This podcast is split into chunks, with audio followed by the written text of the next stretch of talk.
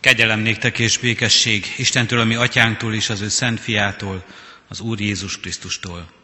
Amen.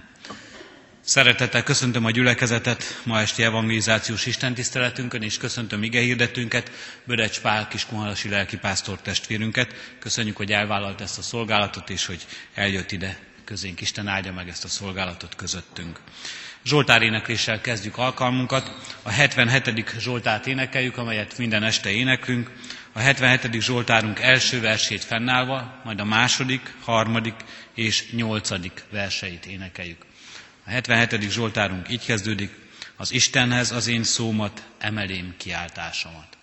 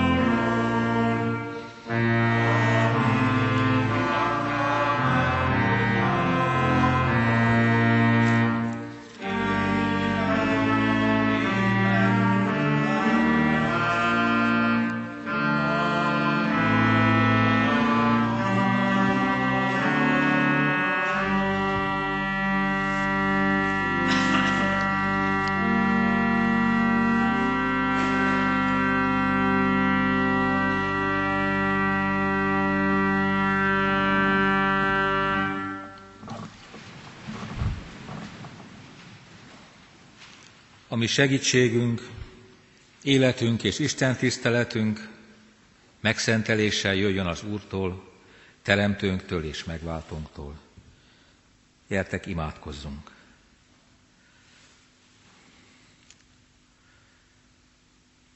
Köszönjük Istenünk, hogy felemelhetjük hozzád a szavunkat ismét ezen a mai estén is. Nyomorúságunkban, emlékeink között a jövőre való gondolásunkban, amikor összeszorul a szívünk a bizonytalanság miatt. Köszönjük, Urunk, hogy Te itt vagy velünk, a biztos pont, a kőszikla, amire ráállhatunk, amelyik meg nem inog, aki megtart minket, és aki felemel a habok fölé is, ha kell. emelkedj most fel velünk, emelt fel lelkünket hozzád, a magasságba, az örökké valóhoz, hogy ott tanuljunk tőled élni, ott tanuljunk tőled boldognak lenni. Amen.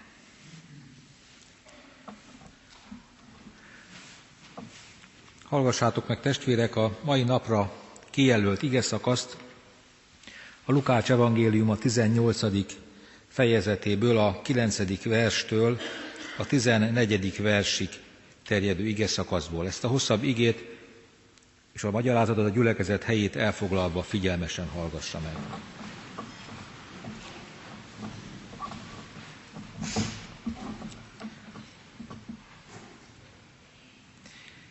Némely elbizakodott embernek, aki igaznak tartotta magát, a többieket pedig lenézte, ezt a példázatot mondta. Két ember ment fel a templomba imádkozni. Az egyik farizeus, a másik vámszedő. A farizeus megállt, és így imádkozott magában. Isten, hálát adok neked, hogy nem vagyok olyan, mint a többi ember, rabló, gonosz parázna, vagy mint ez a vámszedő is. Bőtölök kétszer egy héten. Tizedet adok mindenből, amit szerzek. A vámszedő pedig távolálva még szemét sem akarta az égre emelni, hanem a mellét verve így szólt, Isten, légy irgalmas nekem bűnösnek. Mondom nektek, ez megigazulva ment haza, nem úgy, mint Amaz. Mert mindenki, aki felmagasztalja magát, megaláztatik, aki pedig megalázza magát, felmagasztaltatik. Amen. Kedves testvérek, a nagybőjt második napja van. Ezt a napot a mai magyar vendéglátás a maga vallási műveletlenségét közszemlére téve évek óta torkos csütörtöknek nevezi és így reklámozza. Ezzel a lényeget meg nem értve majmolják Németország, aztán a katolikus Lengyelország, Olaszország, vagy a régi Magyarország farsang végi, vagyis éppen egy héttel korábbi töltekezését, mert ha már torkos csütörtök, akkor nyilván nem hamvazószerda után esik ez, hanem az elé az utolsó csütörtökre, amikor még a katolikus atyafiak jól igyekeztek lakni, zsíros és húsos ételekkel, meg még vasárnap is volt a lehetőségük, aztán utána már csak a időre csak vasárnaponként jutott bőséges étel, főleg a szegényebb családok asztalára. Hát hol van már ez az idő, itt Magyarországon, amikor Csokonai Dorottyája és barátnéi még így keseregtek a farsang rövidsége miatt, és amiatt, hogy a bőjt idő túlságosan hamar elközelgett.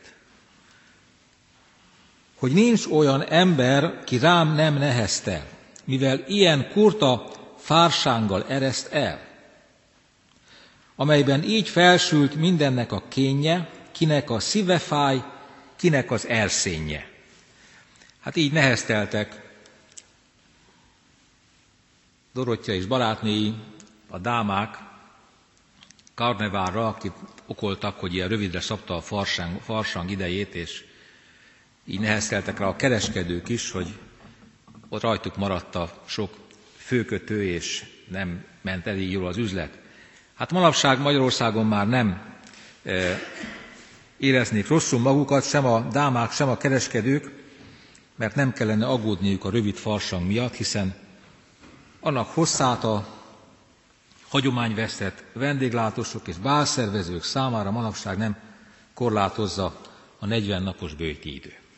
Egy ilyen társadalmi közegben nehéz tehát a bőjt áldásairól beszélni, amikor már azt se tudják, hogy az emberek nagy része, hogy mi is lenne ez, habár a természetgyógyászok és a diatetikusok újabban erősen újra pártolják a bőtöt, és orvosi kísérletekkel igazolták, hogy a 40 év fölött heti két nap bőjt, kétszer egy nap bőjt, és az 50 év fölött heti háromszor egy nap bőjt, az igazán jótékony hatással lenne a szervezetre, mert szinte megújítja, megfiatalítja azt, növeli az ellenálló képességét, dinamizmusát, és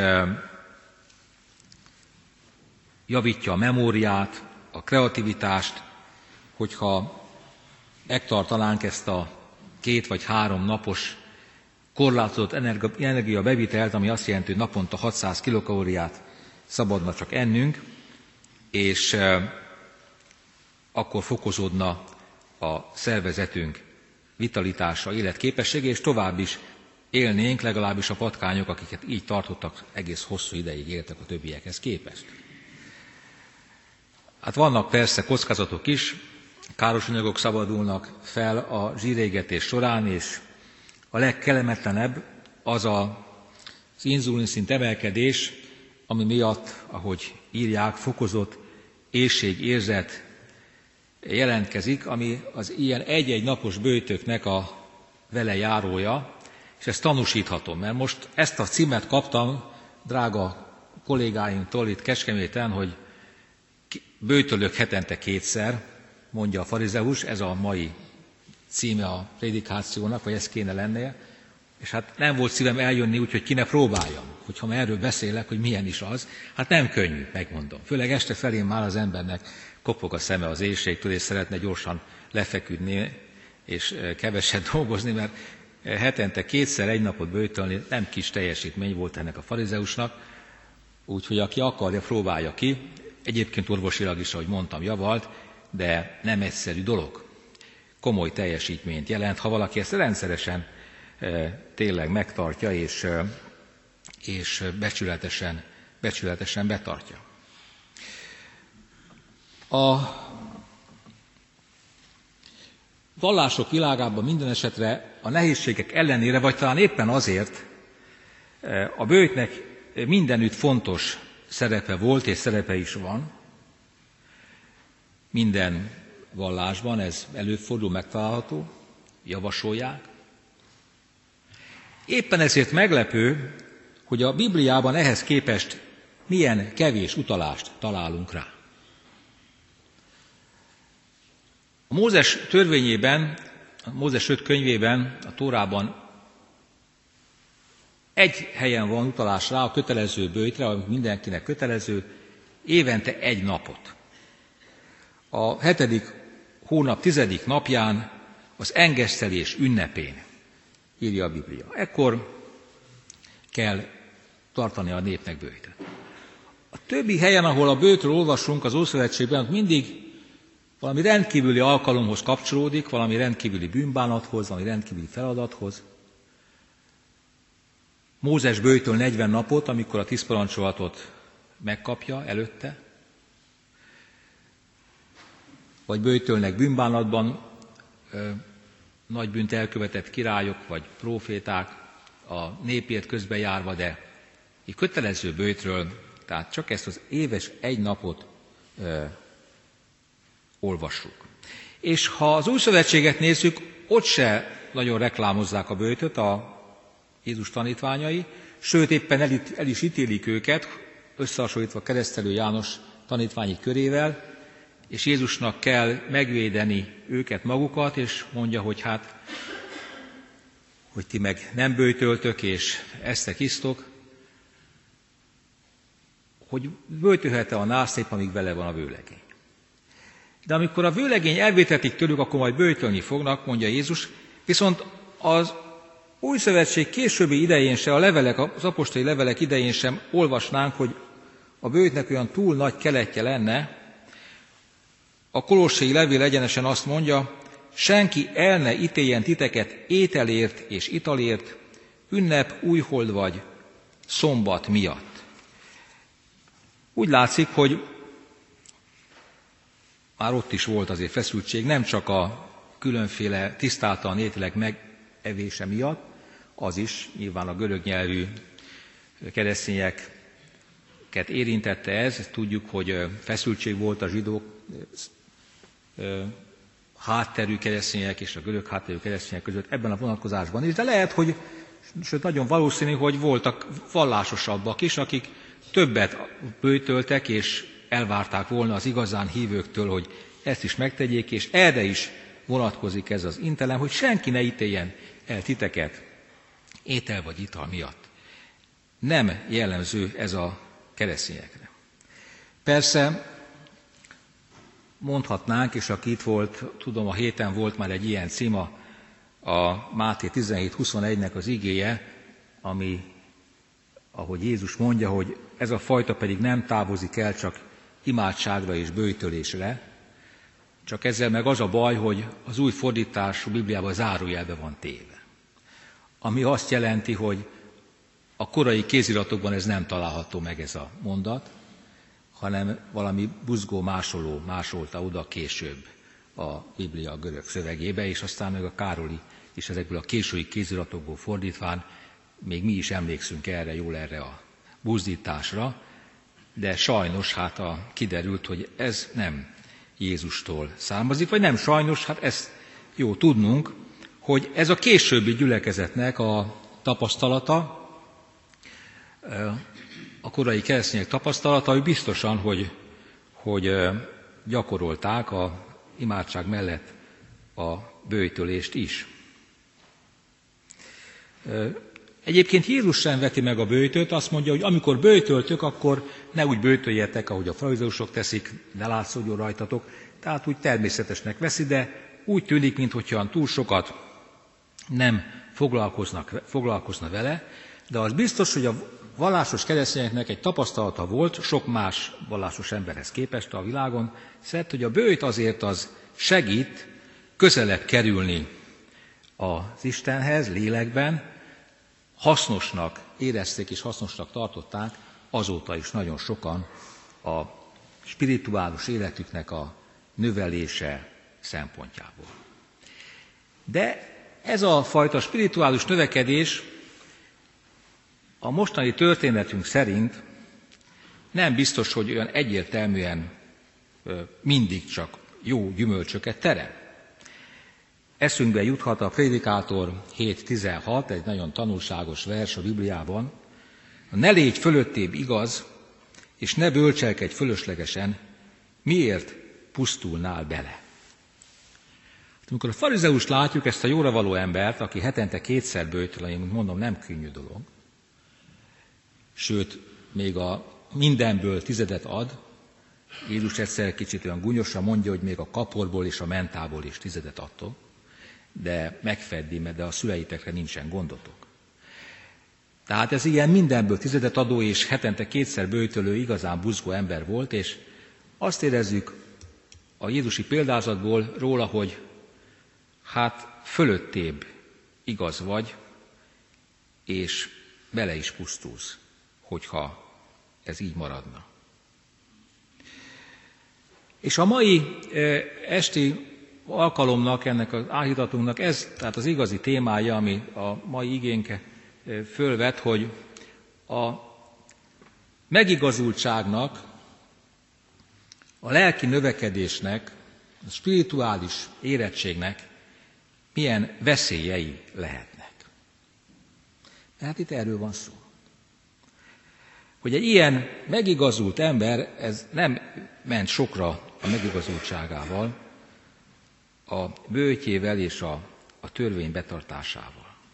Hát először is a veszélye az, hogy az embert könnyen keserűvé teszi. Hát a bőtnek is egy, egyébként egy ilyen veszélye van, hogy az ember rossz kedve lesz tőle, hogyha most nagyon éhes. És eh, ez lelki értelemben is úgy néz ki, hogy igaz, mert kezdi az embereket ilyen rossznak látni. Hát ezt ugye olvastuk itt is, hogy, hogy hálát adok neked, hogy nem vagyok olyan, mint a többi ember, rabló, gonosz parázna. Vagy mint ez a vámszedő is. De a többi emberről ez jut eszébe, hogy rabló, gonosz parázna. Ez egy szomorú dolog, hogy a vallásos ember így tekint a többi emberre. Hogy azok mind ilyenek hogy nem szeretettel tud rájuk nézni, ahogy az Isten néz szeretettel ránk, ahogy Jézus néz szeretettel még a igazán bűnösökre is, még a valóban a rablókra, gonoszokra, paráznákra is, és ez a jó farizeus pedig mindenkit ilyennek lát, pedig biztos, hogy nem mindenki ilyen. De még ha ilyen is lenne, milyen keserű dolog ez, milyen keserű világkép ez.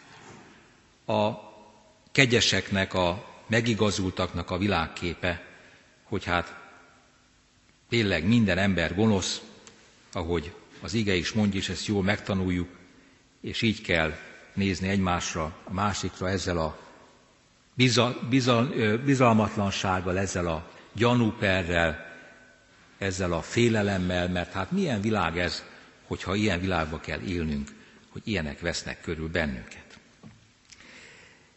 És amikor ilyen kegyesek vagyunk, amikor ilyen nagyon emelkedettek vagyunk, akkor nem csak a világ embereitől különölünk el, hanem még a templomban levő másik embertől is elkülönülünk. Mert ott ezek mind a ketten ott vannak a templomban. Nem arról van szó, hogy ez a vámszedő ott kívül lenne és szedni a vámot, hanem ott van ő is szegény, ott is imádkozik, az távolabb áll, nem olyan közel az oltárhoz, mint ez a jó, kegyes ember, hanem messzebb áll, de akkor is csak a templomban van, és mégis így tekint rá, hogy hát de jó, hogy nem olyan vagyok, mint ez. Hogy én más vagyok, mint ő. Hogy még a templomban sem talál egymásra ez a kettő, és, és mindegyik magányos marad, külön-külön, ahogy itt, itt így szép szanaszét elültetek, mindenki minél messzebb egymástól, az a, az a biztos. A, hagyjuk egymást csak úgy békén, és de még jó, hogy nem mondjuk egymásra azt, hogy talán nem is ismerjük egymást annyira, hogy na hát az is ott az, tudom már, mit csinált, meg az is, meg azt is tudom. Kisebb gyülekezetekben sajnos ez gyakrabban előfordul, hogy így mondják, ám mit keres ez itt, tiszteltes úr? Hát én azt tudom ám, hogy ez, ez mi volt még húsz éve, és még mindig nem felejtik el. Szomorú dolog az, mikor a kegyesek így nem felejtenek, és így elkülönülnek a másik templomba járótól, aki szegény szeretne hát valahova tartozni és bocsánatot nyerni. De végső soron ez mind csak magányossá teszi a kegyes embert is, mert végül senki sem lesz jó önmagán kívül, akivel közösségbe lehetne, és azt mondja, hogy végül nincs közöm hozzájuk, de jó, hogy én más vagyok, mint ők hogy én más vagyok, mint ők. És ez bizony a keresztény farizeusok bűne is, mert vannak azért, vagyunk azért ilyenek is. Mert persze mi nem azt mondjuk már, hogy hát bőtölök kétszer egy héten, főleg, hogyha jó reformátusok vagyunk, akkor ilyen eszünkbe se jut. Még azt mondhatjuk, hogy befizettem az egyház fenntartói járulékot rendesen, mert ki, ki is küldték a csekket, ahogy eh, precíz eh, adminisztrációval rendelkező gyülekezetekben előfordul, hanem eh, azt mondom, hogy hát én bűnös vagyok. Én tudom, hogy bűnös vagyok. Én tudom, hogy csak a kegyelem ment meg. Tudom, hogy csak a Jézus vére mossa le a bűneimet. És ezek meg nem tudják ezek meg, ezek meg nem mennek hozzá, ezek meg nem járulnak oda a kegyelem királyi székéhez. De én tudom, hogy hova kell menni.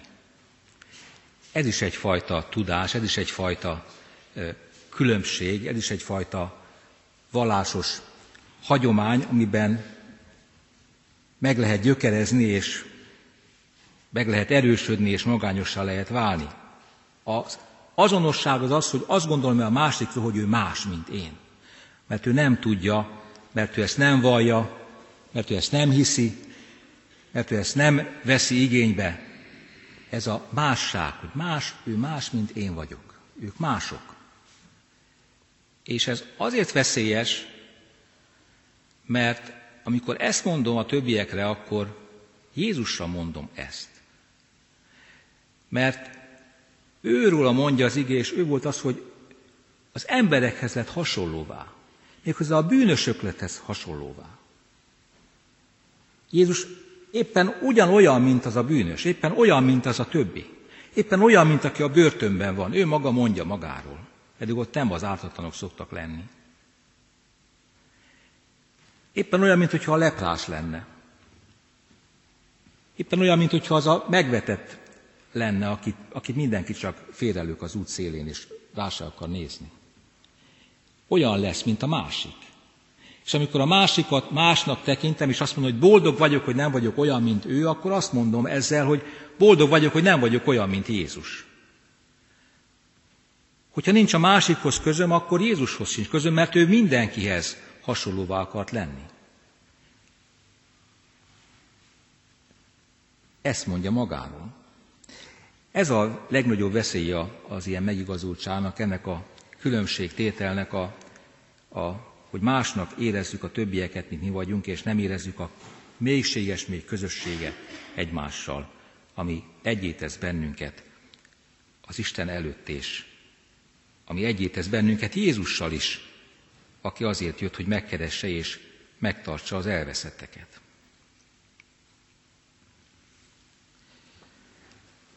Hát a bőjtnek ilyen értelemben nem mindig vannak állásai, sőt veszélyei vannak, de most mégis arról szeretnék beszélni, hogy a utolsó fő gondolatkörben, hogy mégis, hát azért vagyok itt, hogy valami jót mondjak, ami evangéliumot mondja, ne a veszélyekről beszéljek, hanem arról, hogy Isten viszont meg tudja áldani a bőjtöt, Istennek vannak áldásai a bőjtben.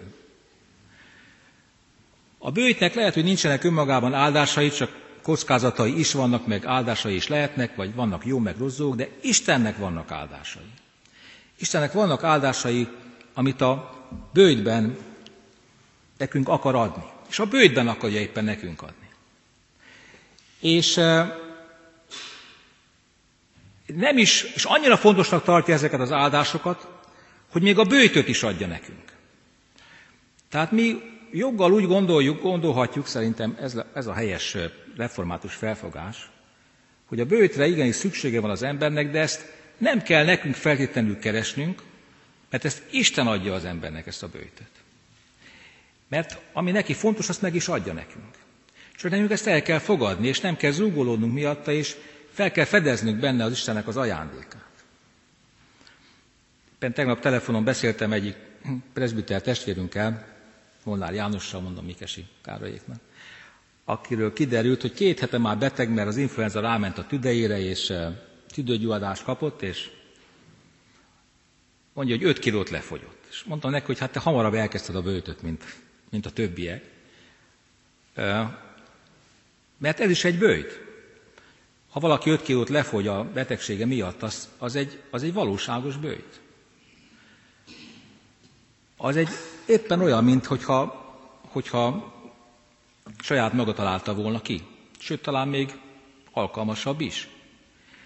És ebben a szűkölködésben is vannak Istenek áldásai. Ahogy Pálapostól mondja a börtönből, hogy írja a filippieknek, hogy köszönöm az adományokat, nem mint hogyha maga miatt kérném, hiszen én tudok szűkölködni és tudok bővölködni is, mert nem a nélkülözés mondatja ezt velem, mert én megtanultam, hogy körülményeim között elégedett legyek.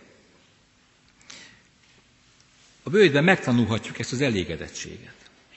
Hogy a szűkölködés között is van elég, amit Isten nekünk ad. Hogy a szűkölködésben is megtart bennünket, egy betegségben is, hogy velünk van és megtart minket. Ez egy nagy tapasztalat, ez egy nagy, nagyon drága tapasztalat.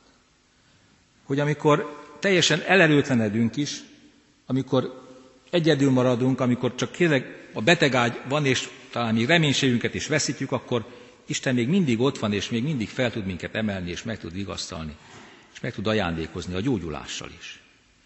És a reménységgel pedig mindenképpen ott van az ő reménysége, hogy veled vagyok és elég neked az én kegyelmem, az én erőm erőtlenség által ért célhoz. Ezt meg lehet tanulni a bőjtben, meg lehet tanulni a szűkölködés idején. Ez egy tanulási folyamat. Isten tanít bennünket. Ugye azt mondja a prédikátor még egyszer idézve is őt, hogy ideje van mindennek ezen a földön. Ideje van a táncnak, ideje van a gyásznak. Mindennek ideje van. Isten időt ad erre is, a bőjtre is ad időt, és fontosnak tartja, mert tanítani akar ezáltal is. A bőjtidő arra is jó, az igazi bőjt, amit Isten ad nekünk, hogy közösségbe von egymással. Nem eltávolít a másiktól, hanem közösségbe van. Van egy híres bőjtölő a Bibliában, aki nem magától bőjtölt, vagy nem maga szándékából, ez illés volt. Ugye emlékszünk rá, hogy annyira bőjtölt, hogy nem is majdnem ilyen halt, és a hollóknak kellett táplálnia, meg ott volt a, a víz is még, meg a, meg a kenyér is, hogy el volt készítve, meg akart halni bánatában. De legalább közösségbe került az atyáival. Mert azt mondja, hogy nem vagyok jobb az atyáimnál. Na azt hittem, hogy jobb vagyok náluk. Azt hittem, hogy én meg tudom mutatni, hogy majd ők mennyire gyengék voltak, de én, én az Istennek a profétája leszek, és legyőzöm a bálpapokat, és visszavezetem a népet az igaz útra. Majd én megmutatom, és én egyedül maradtam. De a bőjtben azt mondja, hogy én is olyan vagyok, mint ők. És ez egy nagy dolog, amikor az ember az atyáival együtt tud lenni. Amikor azt mondja, hogy nem vagyok jobb az atyáimnál, de talán nem is kell, hogy jobb legyek, mert az Isten ugyanaz a Istenünk, mint ami nekik volt. És engem is meg fog tartani. És azt, ezt felismeri, akkor feláll és el tud, el tud indulni. A bőjt közösségbe von, az atyáinkkal is, egymással is, ha az Istentől való, és ha az Isten tanít minket általa. És a Isten adott, által adott bőjtben valóban emlékezünk arra, hogy mi, ami összeköt bennünket, és mi az, ami igazán egyedül fontos. Hát ennek a történetnek egy illusztrálása, amit hittanosoknak néha el szoktunk mondani, lehet, hogy itt is már ez ismert kis tammese, eh, arról, hogy a kegyes ember, aki olyasmi lehetett, mint az a farizeus, meghal, és fölkerül a mennybe, és oda kerül a menny kapujába, és ott persze hát Szent Péter fogadja egy angyal kíséretében, és kérdezi tőle, hogy na hát miért akarsz ide bejönni? írd össze már, hogy mi az, ami ide feljogosítana téged arra, hogy belépjél. És akkor a jó ember összeírja a dolgokat, ott Szent Péter megnézi, az angyal együtt bólogatnak, elismerően pillangatnak rá, kiderül, hogy ifjúsági csoportba járt már fiatalon, aztán ifjúsági vezető volt, presbiter, adakozott az egyháznak, Szóval csupa szép dolog, és mondja Szent Péter, ez majdnem jó, hát ezer pontot kell összegyűjtened, hogy bejussál. Ez már 326 pont idáig. Hát mondjál még, vagy írjál még valamit össze, és akkor az ember gondolkodik, hogy összeszedi minden jó cselekedetét, a végén már azt is, hogy átkísért valakit az utcán a, a gyerekkorába, és addig-addig, hogy föltornálsz a 472 pontra. És mondják neki, hogy hát nagyon jó, egész férfitól ez kiváló teljesítmény egyébként, hogy ilyen 472 pontot össze tud gyűjteni vallásos módon, de hát ez még csak 472, és az ezer kellene. Az jó ember csak izzadott, és, és kétségbe esik, és aztán így felkiált, hogy jaj, nekem elvesztem, Uram, irgalmaz nekem bűnösnek. Azt mondja a Szent Péter, na ez az, ez ezer pontot ér önmagában. Hát a hitanosok nem tudom, ezt megjegyzik el, hát hogy a gyülekezet azért csak jegyezze meg is, hogy úgy is tudtuk eddig is, hogy hát ezért ezer pontot. És a bőjtben ezt tanuljuk meg, hogy ami ezer pontot ér, az ez, hogy Isten irgalmaz nekem bűnösnek. És az ő irgalma az, ami egyedül érték, és ami egyedül számít, ami egyedül valamit, valamit jelent. És ez egy nagy tanulság és egy nagy tapasztalat. De ő ezt mondta nekem, a feltámadott úr, így a Pálapostól a korintusi levélben. Elég neked az én kegyelmem, mert az én erőm erőtlenség által ér célhoz. Amikor a bőjtben ezt tanuljuk meg, hogy elég neked az én kegyelmem, és célhoz ér, az én erőm a te erőtlenséged által, vagy akár az én erőtlenségem által is, akkor Isten megtanított minket valami fontosra. Akár farizeusok vagyunk, akár vámszegők. Mind a kettő megtanulhatja. Hogyha ezt tanuljuk meg, hogyha Isten hagyjuk, hogy ő, Istent hagyjuk, hogy ő tanítson minket, akkor lesz igazi bőjtünk, amit tőle kaptunk, amit nem magunk csinálunk, amivel nem magunk dicsekszünk, ami nem egyedül magunkat építi, hanem az Isten egyházát, a Krisztus testét. hiszen közösen tudjuk ezt megtanulni. Isten segítsen minket ebben. Amen.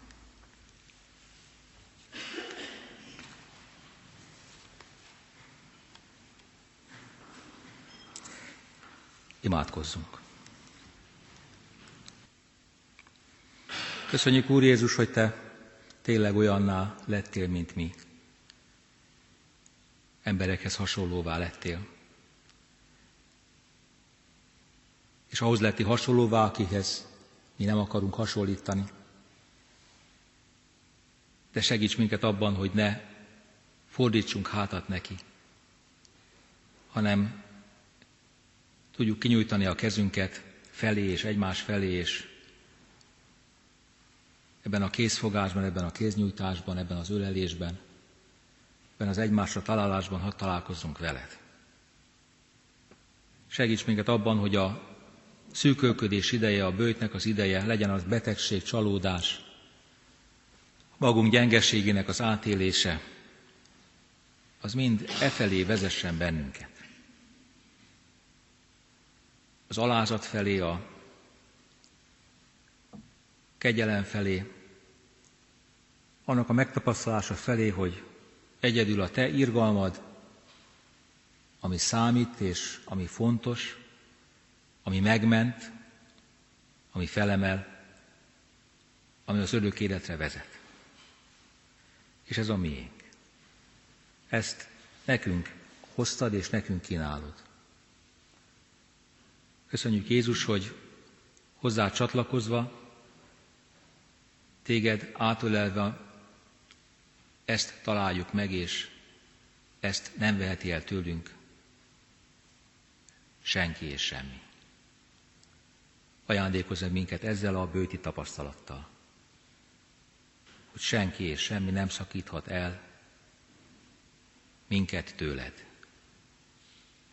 Sem a félelem, sem a nélkülözés, sem a szomorúság, sem a gyász, sem az önutálat, sem a csalódás, bűneinknek az emléke. Semmi sem szakíthat el minket tőled. Ölelj át bennünket, és hadd öleljünk át téged, amikor a másikat magunkhoz öleljük. Amikor egymás kezét megfogjuk, amikor egymást nem ítéljük, elítéljük, bírálgatjuk, hanem ezzel a örömteli tekintettel nézzük. Köszönjük, hogy együtt vagyunk, hogy egymáséig vagyunk, és egymásért vagyunk. Áld meg ezt a gyülekezetet itt Kecskeméten, add a szeretetnek az egységét és örömét, tapasztalatát. Amen. Egy rövid csendben vigyük személyes kéréseinket Isten elé, majd együtt fennállva imádkozzuk az Úr Jézustól tanult imádságot, a mi atyánkot.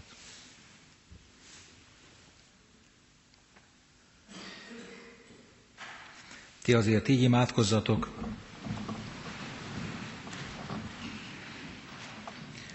Mi, atyánk, aki a mennyekben vagy, szenteltessék meg a te neved, jöjjön el a te országod, legyen meg a te akaratod, amint a mennyben, úgy a földön is.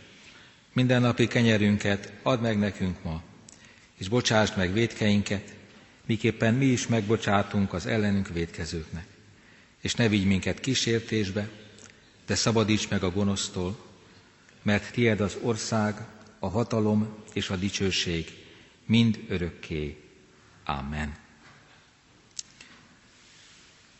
A mi Úrunk Jézus Krisztus kegyelme, az Atyának szeretete és a Szentlélek boldogító közössége legyen minnyájatokkal.